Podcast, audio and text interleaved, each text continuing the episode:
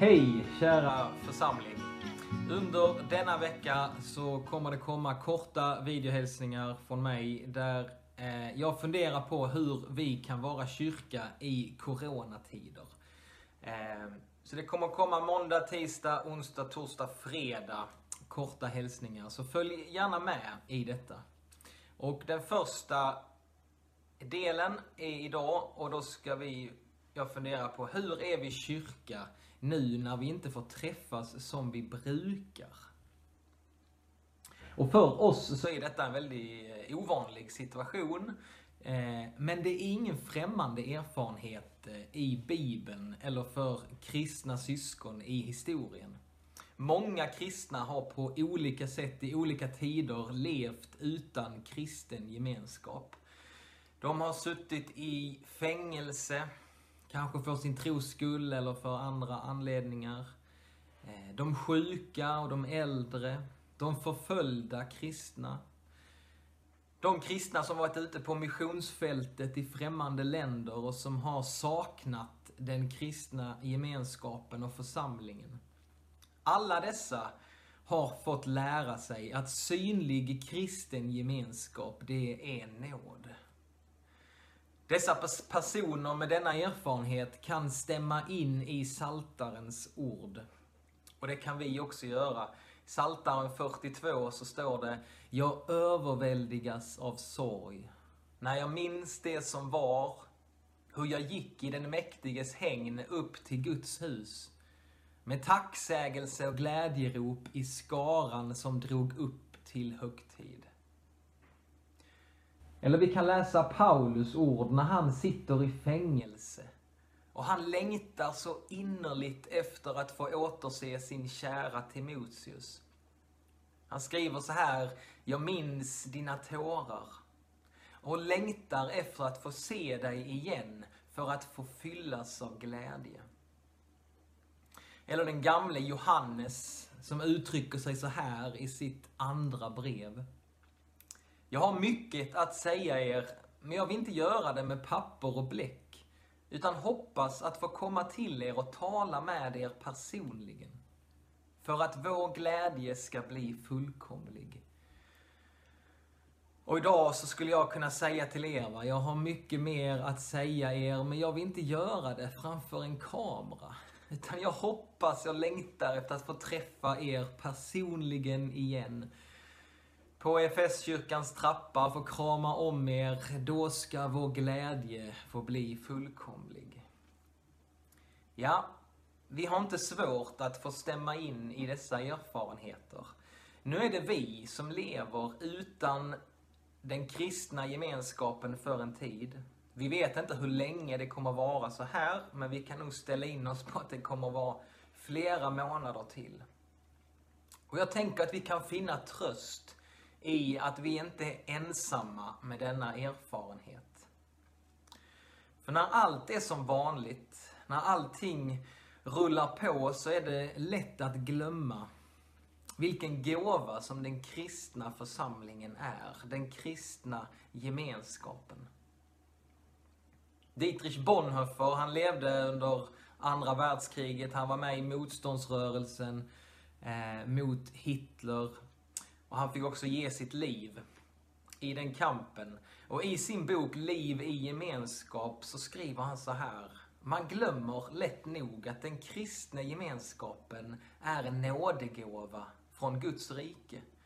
Som när som helst kan tas ifrån oss. Därför bör var och en som ännu har förmånen att leva ett kristet liv gemensamt med andra prisa Gud av hela sitt hjärta. Tacka Gud på sina knän och bekänna det är nåd. Inget annat än nåd. Att vi ännu i denna stund får leva i gemenskap med andra kristna. Och så fortsätter han. En kristen i förskingringen känner sig tröstad av ett kort besök, en gemensam bön och en broderlig välsignelse. Ja, även stärkt av ett brev skrivet av en kristen vän. Martin Luther, han kallade gemenskapen mellan kristna som det kristna livets rosor och liljor. Ja, så nu, när vi inte kan ta den kristna gemenskapen för givet längre, vad ska vi göra då? Vad ska vi fokusera på under denna konstiga tid? Ja, det är det som jag vill kommunicera den här veckan till er. Men för det första så vill jag att vi ska finnas för varandra i den här tiden. Omsorgen som vi har om varandra, den har blivit tydlig de här veckorna. Det är underbart att få höra allt som sker och hur ni visar omsorg om varandra. Och vi ska fortsätta vara där för varandra.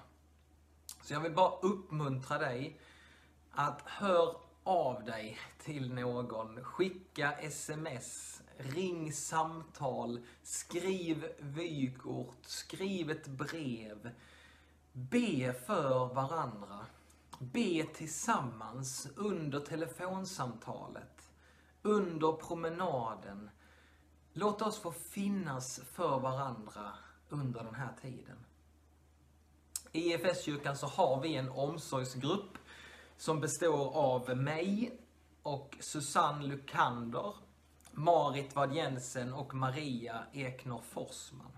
Och vi försöker uppdatera oss eh, kring hur våra medlemmar mår, vilka behov som finns och vad vi kan göra. Och om du har idéer på hur vi kan visa omsorg, eller du kanske vill hjälpa till med något, handla åt någon, gå en promenad med någon med mera. Hör gärna av dig till någon av oss. Susanne, Marit, Maria eller mig. Så ska vi försöka organisera detta på bästa sätt. Jag vet att det finns många, ja men alla av er, ni vill hjälpa till och finnas där för andra. Eh, men jag tror det är viktigt också att våga be om hjälp. Eh, och jag vet att vissa av oss kan ha svårt för det. Men under den här tiden, är det något som kan som du behöver eller som du liksom kan underlätta eller du känner att du behöver ett samtal, en, en promenad med någon, så låt oss få veta det. Så att omsorgen kan få bli tydlig och praktisk. Så våga också be om hjälp. Sebastian Staxett, han skrev, han sa så här i en artikel som jag läste nyligen att Ja, om målet med livet är att få det bäst möjligt, då är detta en svår kris att leva i. Men om målet är att hjälpa så många som möjligt, då är detta en av de bästa tiderna att leva. Paulus han skriver i Romarbrevet kapitel 12. Så utgör vi, fast många, en enda kropp i Kristus. Men var för sig är vi lemmar som finns till för varandra. Vi finns till för varandra. Och detta är det första som vi vill fokusera på i den här tiden. Det är omsorgen om varandra och där är du jätteviktig. Det kan vara en liten sak, men det kan betyda så mycket för någon annan. Så låt oss finnas för varandra under den här tiden. Imorgon så kommer jag undervisa lite om hur vi, hur vi vill fokusera på att vara kyrka i våra hem. Men det blir imorgon, så följ gärna med då också och ha en fin dag